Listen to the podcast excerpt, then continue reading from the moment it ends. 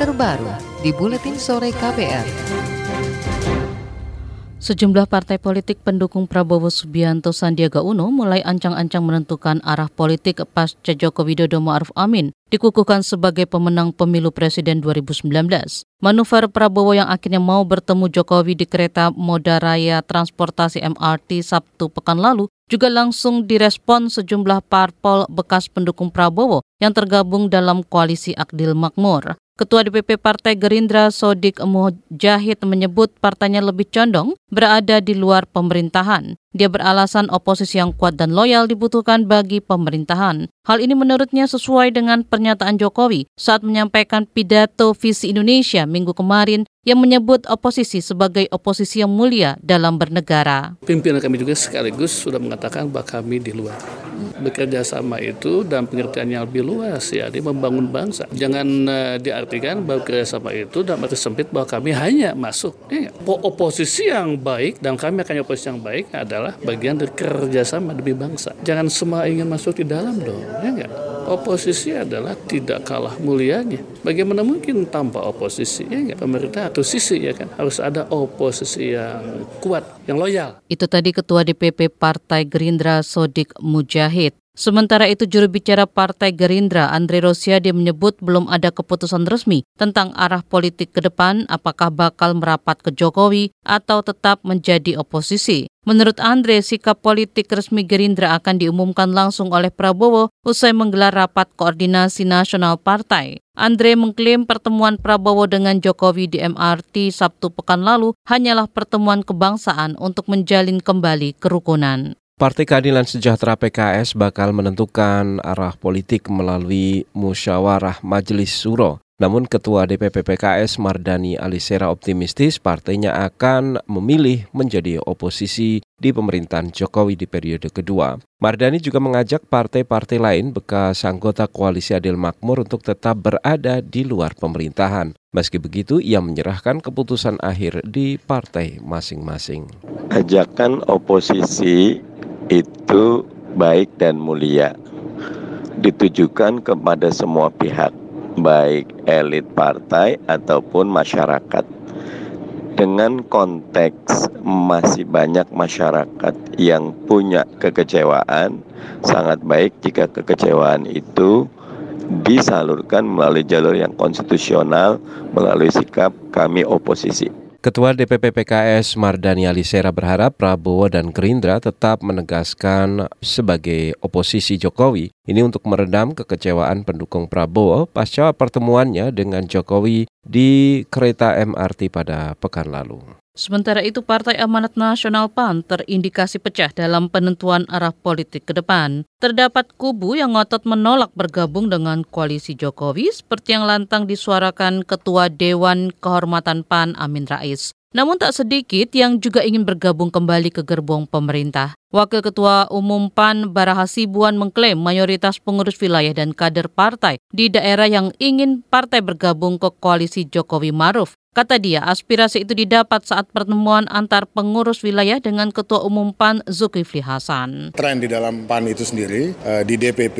dan juga sudah ada kira-kira antara 25 sampai 30 pengurus provinsi yang sudah dipanggil oleh Ketua Umum untuk berdiskusi untuk menentukan langkah selanjutnya. Eh, trennya itu memang bahwa kita akan bergabung ke eh, pemerintahan Jokowi. Jadi mayoritas dari pengurus provinsi ya wilayah dalam istilah kami yang dipanggil itu tidak menyatakan objeksinya terhadap ide untuk bergabung dengan pemerintahan Jokowi. Bahkan ada yang memang terang-terangan mendukung ide untuk bergabung. Wakil Ketua Umum PAN Barha Sibuan menegaskan polisi partainya saat ini bebas menentukan arah politik pasca berakhirnya koalisi pendukung Prabowo. Menurutnya, mayoritas pimpinan wilayah dan kader partai menilai bergabung dengan Koalisi Indonesia Kerja sebagai langkah realistis dan logis untuk lima tahun ke depan. Sementara itu, partai politik pendukung Jokowi Maruf keberatan dengan isu merapatnya partai-partai oposisi ke pemerintahan. Sekjen Partai Persatuan Pembangunan P3 Arsul Sani beralasan koalisi pendukung pemerintahan Jokowi Ma'ruf di parlemen saat ini sudah gemuk yaitu mencapai 60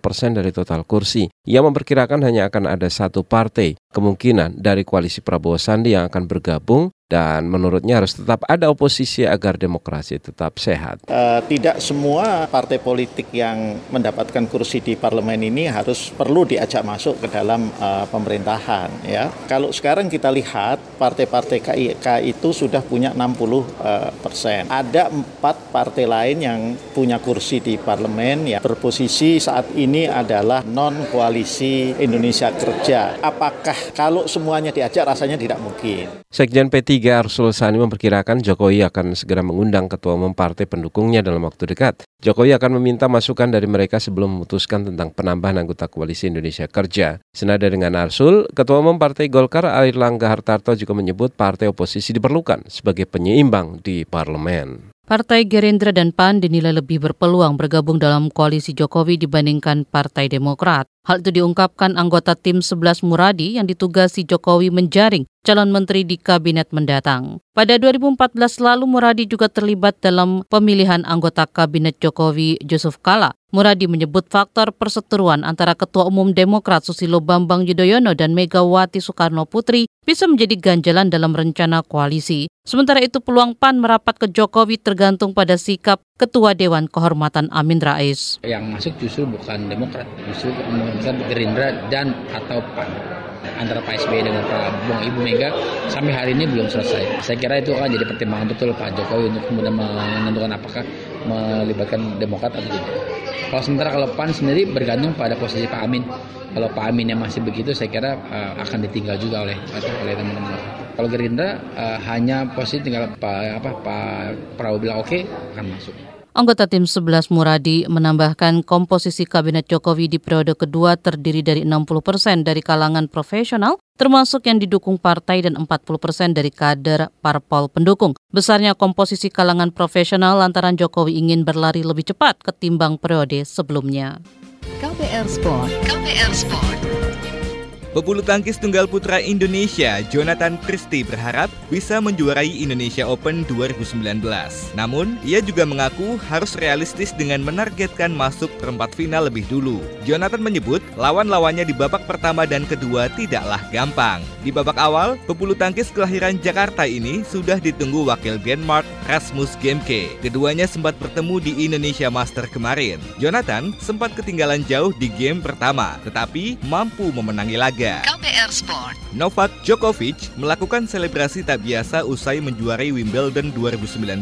Petenis putra asal Serbia ini memakan rumput lapangan center court tempat digelarnya partai final melawan Roger Federer. Pada laga puncak minggu waktu setempat, Djokovic susah payah mengalahkan Federer lewat pertarungan selama 5 jam. Petenis 32 tahun itu menang 7-6, 1-6, 7-6, 4-6, dan 13-12.